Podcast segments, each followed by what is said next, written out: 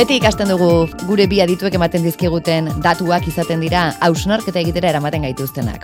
Uxune Martinez, Bai, zer moduz haude? ondo. Maixa, eh, San Franciscoan zer moduz? E, ondo, ondo, Kontatu dugu, Bilbon sonometro batzuk jarri dituztela kaleetan, iriko zarataren mapa osatu nahi dutelako. Eta jakina, ba, biztanle batzuk kexu dira zarataz, deserosoa delako batez ere, e, desordutan denean, baina usune, deserosoa izateaz gain, osasunarentzat kaltegarria ere bada, eza? Ba, gaude nahikoa kontzientziatua, zaratak gure osasunen duen eraginarekin? Ez dakit, ez dakit benetan kontzientziatuta gauden. Izan ere, batzuetan ez da erraza, e, nahiko subjetiboa da e, desberdintzea zarata, soinua eta musika, ez? E, Hiru kontzeptu horien arteko mugak esan ditzakegu e, nahiko lausoak daudela, ez? Batentzako zarata dena beste batentzako ez da e, musika izan daiteke, ez? Eta bueno, ba esaterako e, niri e, zu artifizialak asko gustatzen zaizkit, baina beste batzuei eiz batez ere horren atzean dagoen hotzero burrumbaren gatik, ez? Eta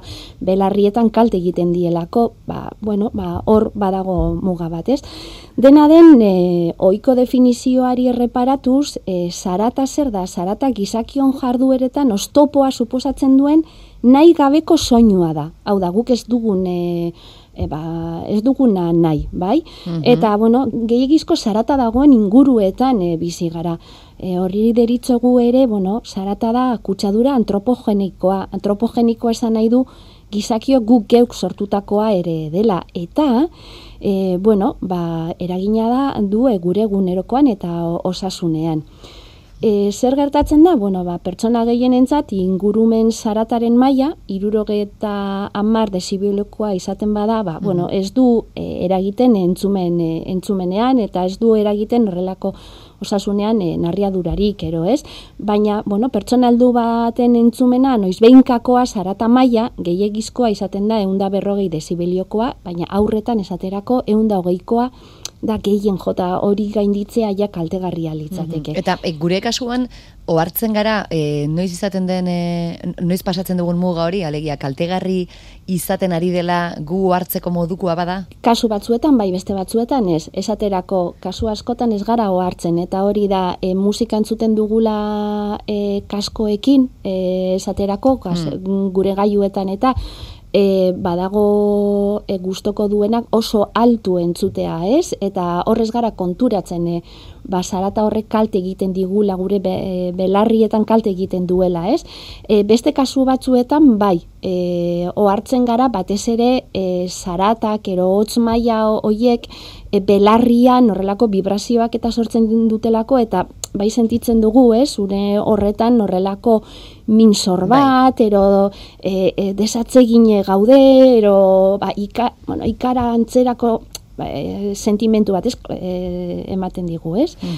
Bueno, kontua da, osasun mundu erakundearen e, kutsa e, txostenen arabera, kutsadura akustikoa, hau da, e, atmosferikoaren ondoren, dala, gure osasunean gehien kaltetzen duen e, bigarren e, ingurumen faktorea. Pentsa. Hau da, bigarrena. Bai. Bai, eta orduan, bueno, e, osasun, mundu mailako osasune erakundeak bai egiten dituela txostenak, inguruneko zaratak eragiten duen karga gaixotze tasan aztertu egiten du, ez?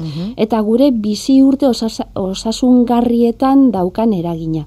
Eta zer da ikusi dala? Bueno, ba, ikusi da esaterako bost pertsonetatik eh, bat Europan, eh? Europan, esan dezagun, e, kokat, eh, kokatuta ingurunea, bost pertsonetatik batek osasunerako kaltegarriak eh, diren, e, bueno, ba, saratan mailaren eraginpean bizi da. Bostetik bat. Kontuan izan esaterako, e, Europan bizi garela zazpiren eta berrogeta amaika milioi pertsona inguru bizi gara gaur egun horren erdiak baino gehiago, ero horren erdia baino gehiago ingurune zaratatzuetan bizi da. Ba, irureun eta piku e, milioi Milioi. biztanle. Eta eren batek, eren batek lo egiteko arazoak ditu zarata maiengatik, bai? Esaterako, Europan, ba, trafikoak, bueno, ibilgailuak direla, kotxeak, autobusak, kamioiak eta hori horrek sortutako zaratak, ba, e, eunda amairu milioi pertsona kaltetzen du. Trenen trafikoaren eraginpean e, dauden beste hogeita bi milioi pertsona ere kaltetu egiten du. eta esaterako egazkinek eta sortzen duten e, trafikoa dela eta beste lau milioi pertsona kaltetzen ditu. Hmm. Eta e, gero badago ba bueno ba industria alorreko sarata ero, ez? Mm, ba Hauek kamioiak eta sortzen duten izan da. Ez, ez, ez da, honek ja fabrik, berak. fabrikak bera, mm fabrikek berak sortzen duten ez arata makinak direla, makineria dela eta ero mm. bertan egiten diren prozesuek ba ez sortzen duten ez arata hori, ez? Mm Orduan, bueno, ba ikusi da esaterako ba, hogeita bi milioi pertsonak narri, narritadura kronikoa izaten dutela. Eta beste 6,5 milioi pertsonek ba, loaren nazmendu larriak dituztela. Hau da, arazo larriak lo egiteko. Ezin dute lo egin eta horrek gero eragina du gure osasunean. Hau da, ez dugunez deskantzurik hartzen ba, nekea eta beste hainbat gaitze sortarazten eh, ditu. Eta batez ere, ez aratakutsadura honen eh, jatorria dela esan duzu, em, e, e, trafikoa edo garraioak sortzen dutena, ezta? Bai, ibilgailuek sortzen dutena. Alde batetik badaukagu e, oso handia da ibilgailuek eta sortzen dutena, ez? E, beste alde batetik, bueno, industriak eta sortzen duena, baina badaukagu beste sarata mota bat eta da e, sarata komunitarioa deitzen zaiona, ez? Eta sarata komunitario zein da, ba esaterako gure etxeetan eta daukaguna, gure eraikinetan eta daukaguna, e, izosgailuak egiten duen burrumba, mm -hmm. e, e, keak e, zurgatzeko dauk e, ditugune zerak, tresnak, e, uraren e, txorrotak, e, kalderak eta horrelako gauzak ez, e, aize sistemek, e, berogaiuek eta horrelako mila e, sarata ero doinu ditugu ez. Eta hoiek ere, elektrogaiu hoiek ere, bai. basa dezakete osasungarria den dezibelio maila hori? Guztiak biltzen badira kasu batzuetan bai e, leku batzuetan gerta daiteke. Ez da ohikoa, mhm. ez da ohikoa. Baita kontuan izan behar da behar dugula soinu e, soinu maila bat ondo sentiarazteko eta hau da, e, bizitzan aurrera egiteko, ez? e, isilunero, isiltasun... E, Kompletoa, guztizkoa hori da, e, antza horrek ere sortzen dizkigu horrelako ezin egona, ezin mm. egona, ero, bueno, gaitzak ere, ez? Baina zaratak benetan e, ze, ze gaitz sortzen ditu. Bueno, basaterako, e, Europan urtero berrogeita sortzi mila istripu kardiobaskular ematen dira zarataren gatik. Eta amabi mila eriotz goiztiarrak ematen dira bai, sarataren e, eraginpean bizidan jentearengan, ba, hori ez, e, eriotza sortzen du. Mm esaterako, ba, Dinamarkan, e, Danimarkan egindako asterlan batek ikusi zuen, kaleko saratak, esaterako, bai. amar desibeliotik gora e, igoera bakoitza hau da e, maila e, sonometroek adibidez e, ba, e, soinu maila ero doinu maila e, zertzen dute e, hartzen dute ez bai. ba amar desibeliotik amar desibeliora e, igonez gero, ba, e, igoera horrek egiten du, handitu egiten du, euneko amabian miokardio infartuak, infartuak izateko arriskua, mm bai? Beraz, e, e, erabat, e, erabat lotuta daudela, ez da? E, gero eta zarata handiagoa, gero eta bai. gaixotzeko arrisku handiagoa. Eta batez ere, bihotzekoekin lotuta dago, iktusekin lotuta dago, eta arazo koronarioekin ero lotuta dago. Arriskua handitu egiten du zarata, korrelako gaitzak izateko. Eta ikusi dute baita ere, bate, bueno, Harvardeko unibertsitateko ikerketa batek ikusi zuen sarata maila handiek, bueno, e, eta bere eraginpean denpora ero, denpora tarte luzez egoteak sortzen duela gure e, entzefaloan dagoen e, amigdalaren jardueran ba, minak ero kalteak sortzen dituela, ez? E, eta osasun mentalean ere egin dezakela. E, zergatik, bueno, ba, kontua da, e, amigdalak, e, lotu, amigdalaren lana lotu egiten dala estresarekin, beldurrarekin, antzietatearekin, eta ez? Eta orduan, e, sarata asko egonez gero, ba, amigdala lanean kaltetu egiten da, eta orduan gure estres maila igo egiten da, gure, gure beldur maila ere igo egiten da, eta gure antzietatea. Mhm. Eta horrek sortzen ditu ere gaitzak, ez? Ba, osasune mentalean e, horregatik, bueno, ba, ez da harritzekoa, zarata maila handiaren eraginpean tarte luzez bizi direnak, bueno, ba, suminkorragoak e, ikustea, mm -hmm. deserosoago egite egotea, jarrera oldarkorragoak izatea, depresio sintomak izatea, kontzentrazio falta, ero kontzentrazio arazoak, mhm. eta, bueno, ba, ikasketetan ere ikusi da, ba, e, errendimendu txikiago dutela ikasleek, eta lanean ere errendimendu txikiago dugula, basaratan maila handipean egoten bagara. Mm Bai, bai, bai, pentsa, ba, kutsadura atmosferikoaren ondoren, zarataren kutsadura baldin bada, bai. e, munduko osasun erakundaren arabera bigarren, bai. e, bigarren arriskutsuena, bai. ba, pentsa zaratak ere gure bizitetan ze zeragin izan dezaken. Gehiagizko zaratak, San Franciscok, gehiagizko zarata izaten du inoiz, maixa? Ba, ni, ni bizine zentokian, bai, ba, ze bizinaz zentruan, Eta bai. ni ez na, ez dut lo egiten txorien zaratekin, baizik eta kotxeen zaratekin. ja, oituta nago horretara, baina bai, bai zaratak e, modu ezberdinetakoak izan daitezke, eta mm. gaur zuk ekarriko duzun gaiarekin lotuta, eta gian, lotuta dago. Lotuta dago, noski, e, bizilagunek ere esan ditu usunek, e, ba, elektrogaiu sortzen dituztenak, urtsorrotak sortzen dituenak, baina gauetan eta logelan sortzen diren soinuak ere, ez dakit zarata bihurtzerainokoak izan daitezken, maixa? Sexuari buruz hitz egingo dugu, sexuaren ah. zientzia, eta bai, zaratarekin lotuta beti, ez bat alditan emon berdozu hor e, orman, ez? E, zarata egiten ari badiren alboko gelan. Base, Naikoa da, esan ez? Gu, gu inoiz ez gara. E, Beti da ondokoa, ez? Eta amorra, amorra zita zaude agian zuetzarelako, ez? Hori da, hori da, hori, ez? Jode, lo egin nahian eta ganera esara zu, e, hor bestaldean dagoena. Beno, ba, sexuaren zientzia, orain dela gutxi, orain dela hilabete batzuk maitasunaren zientziari buruz hitz egin genuen, eta gaur sexuaren zientziari buruz hitz egingo dugu. Sexua dugunean, e, placerra sentitzen dugula badakigu, baino zergaitik. Beno, ba, kontua da, e, sexu hormonak jariatzen e, ditugula, Mm. Por cierto, zuzenean doaz eh, emakumeen eh, kasuan obulutegietatik burmuinera, estrogenoa, mm eta eh, etan, ba, barrabietatik burmuinera, testosterona, eta sexu hormona hauek eh, pizten digute eh, gura. Eta gero, eh, sexua dugunean, dopamina jariatzen dugu, gure burmuinera, dopamina ba, e, guztiok ulertzeko askatzen da, e, ba, drogak hartzen ditugunean, esate baterako, e, alkola, kokaina eta bar. Edo, edo esate baterako e, oso gustoko dugun zerbait egiten ari garenean, ba, dopamina eskatzen da ere bai.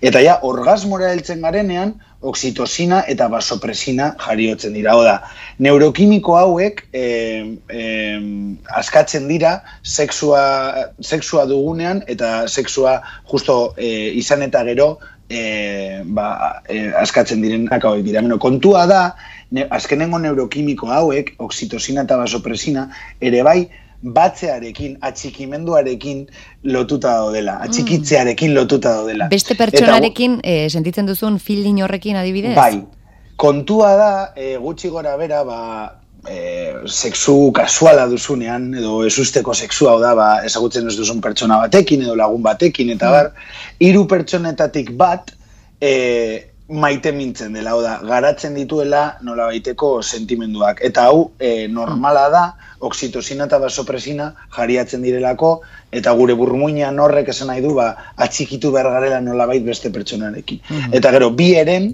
bi eren, e, beste bi eren horietan, e, ma, oxitosina eta basopresina maiak ez dira altuak, eta orduan, ba, bueno, ba, lagun hori, laguna jarraitzen du izaten, edo, e, e, edo ez ezagun hori, ez ezaguna jarraitzen du izaten. Bai, badira pertsona batzuk, e, badira pertsona batzuk, e, beraien ezaugarrien gatik izango da agian, e, bigarren maila horretara, eren horretara lehenago iristen direnak beste batzuk, baino, edo gehiagotan iristen direnak, ez? Bai, bai, e, de hecho, e, sexu e, kasuala edo susteko sexua duzunean, e, eren horretan, zure burmuinak, ba, maitasun erromantikoarekin lotu dezake. Hor dago, hmm. hor dago koska. Beraz, e, kontuz, e, maitaleok, sexu kasuala edo susteko sexua duzunean, eren batek, ba, ba, ba, neurokimiko jengatik, ba, ma, maitasune romantikoarekin lotzen dute. Beno, kontua da, ikerlan zientifiko batean e, ikusi zela berrogei urte azpitik, e, emakume gizonek bezain beste sexu e, praktikatzen zutela eta nahi zutela, e, naiz eta e, jendartean e, kontrakoa esan. Eta ere bai egin zuten e, beste ikerlan bat e, unibertsitate desberdinetan, eta unibertsitateetan topatu zen emakumeek gizonek baino harreman sexual gehiago dituztela e, unibertsitate garaian. Mhm. Eta gero beste datu e, bitxi bat, e, hau gehiago harremanekin lotuta, harreman e, harremanak bukatzen diren, hau da, harreman romantikoak bukatzen direnean, e, gizonek e, bos koma bos, e, parkatu, bi koma bos bider gehiago, egiten dute bere buruaz beste, emakumeekin konparatuta, oda, erlazio bat bukatzen denean, bai. e, gizonek, ba, e, 2,5 bider gehiago egiten dute e, bere buruaz beste. Tendentzia altiuagoa da, gizionezkoetan. Hori da, hori da. Gero ere bai, beste datu bitxi bat, e, topatu izan zena, zen, ba, pertsona homosexualek eta heterosexualek ba, maiztasun bererek beldekin maite mintzen direla, eta sexura bueltatuz, zergaitik dugu horren beste gustoko sexua, ba atzean dago evoluzioa. Hmm. Evoluzioak, e, kakotzen artean, evoluzioak eman digu sexuaz e, gozatzeko plazerra, zergaitik. Imaginatu kontrako alitzatekela, ez? Sexua izango zela mingarria edo desatzegina. Mm Orduan, inoiz ez lirateke gure geneak urrengo belaunan dietara pasatuko. Mm, agian ez ba, hemen egongo ere horrela da, zergaitik zeltarako eukiko gendun sexua, ez? Ordea, evoluzioa, oso inteligentea dena, eman digo, eman digo nolabait sexuaz gozatzeko plazerra.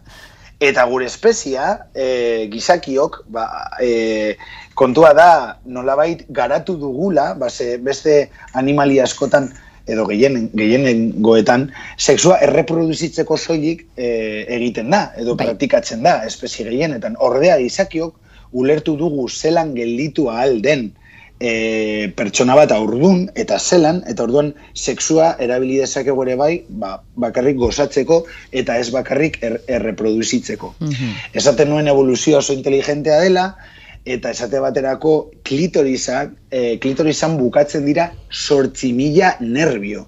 Sortzi mila nervio e, bukatzen dira klitorizaren e, azal horretan, hmm. eta da e, gorputzeko zona erogeno sentsibleena.